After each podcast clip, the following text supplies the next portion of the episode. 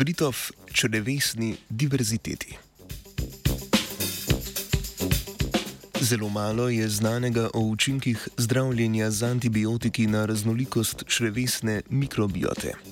Raziskovalne in raziskovalci iz Washingtonove univerzitetne šole za medicino so želeli preučiti, kako nekateri antibiotiki vplivajo na količino in raznovrstnost bakterij v črevesju. Svoje ugotovitve so predstavili v reviji Cell Reports. Človeško telo je zelo prikladen bioreaktor za razmnoževanje bakterij. Gostimo jih kar nekaj 100 gramov, pretežno v zažemkih tankega in debelega črevesja, tam opravljajo nekatere pomembne metabolične in zaščitne funkcije neposredno v prebavni cevi.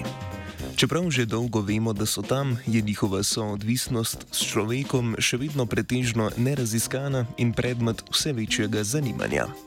Pojavljajo se ugibanja, da interagirajo tudi s hormonskim in žilčnim sistemom pri signalizaciji iz črevesja.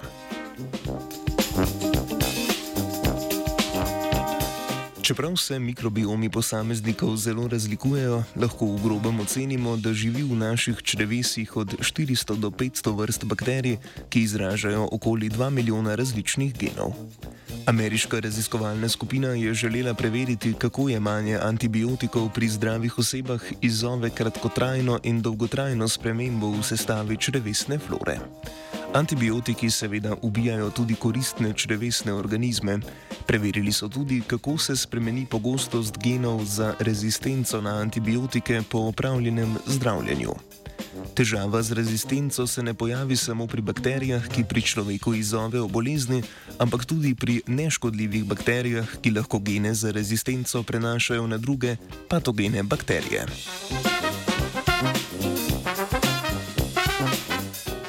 V raziskavi je sodelovalo 20 zdravih posameznic in posameznikov, razdeljenih v štiri skupine, vsaka je prejemala svoj antibiotik: levo, flokascin, azitromicin, cefpodoksim ali pa kombinacijo azitromicina in cefpodoksima.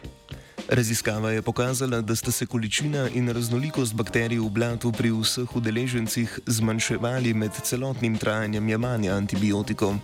Prevladovati so začeli streptokoki in laktobacilusi.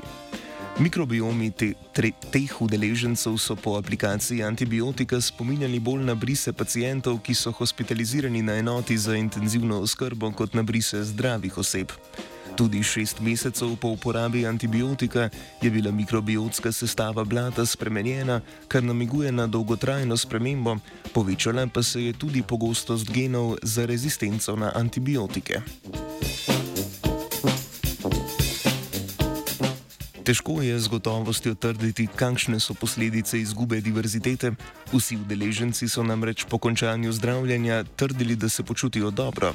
Razumevanje dolgotrajnih posledic takšnega premika v bakterijski sestavi bi zahtevalo nadaljne obsežne epidemiološke študije, to vrstni izsledki pa bi pomagali tudi pri pametnejšem odločanju glede uporabe antibiotikov. Kriza antibiotične rezistence namreč letno ubije že več kot milijon ljudi. pametnih pristopov k antibiotični krizi si obeta Luka.